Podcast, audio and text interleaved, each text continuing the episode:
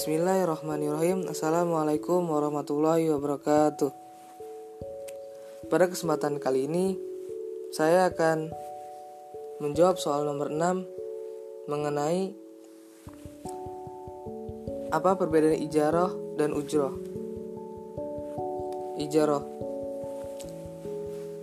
Merupakan akad yang dilakukan atas dasar suatu manfaat dengan imbalan jasa Menurut definisi lain, ijarah merupakan kepemilikan manfaat dari suatu yang halal dalam jangka waktu tertentu dengan imbalan ganti rugi. Pada dasarnya ijarah adalah penjualan manfaat sementara. Syarat-syarat ijarah sama dengan syarat yang berlaku dalam akad yang mengikat kedua belah pihak antara lain barang yang disewa harus memiliki milik sendiri. Adapun ujroh adalah upah yang didapatkan oleh seorang yang bekerja sebagai bentuk imbalan dari majikan atau pemberi kerja atas pekerjaan yang telah diselesaikannya. Ujroh dalam fikih muamalah juga termasuk dalam istilah jualah yang berartikan sebuah keharusan melakukan suatu secara mutlak sebagai bayaran tertentu atas suatu pekerjaan tertentu. Sebagai sebagian ulama mendefinisikan jualah sebagai kewajiban membayar upah tertentu atas pekerjaan yang berat walaupun bayarannya belum pasti.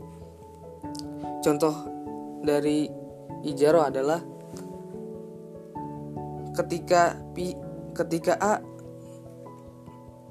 memiliki sebuah rumah yang dikontrakan kepada pihak B.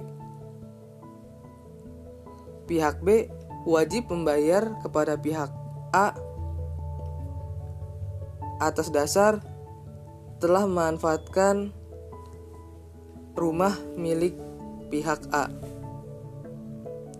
sebagai imbalan atau ganti rugi telah sebagai telah memanfaatkan rumah A. Adapun contoh uj ujroh adalah Pak Ahmad bekerja sebagai seorang kuli bangunan. Setelah seharian bekerja, ia wajib mendapat upah atau ujrah ujroh yang seharusnya diterimanya. Adapun ketentuan landasan hukum disebutkan dalam DSN MUI garis miring 9 tahun 2000 tentang pembiayaan ijaroh menjelaskan bahwa objek ijaroh adalah manfaat dari penggunaan barang atau jasa.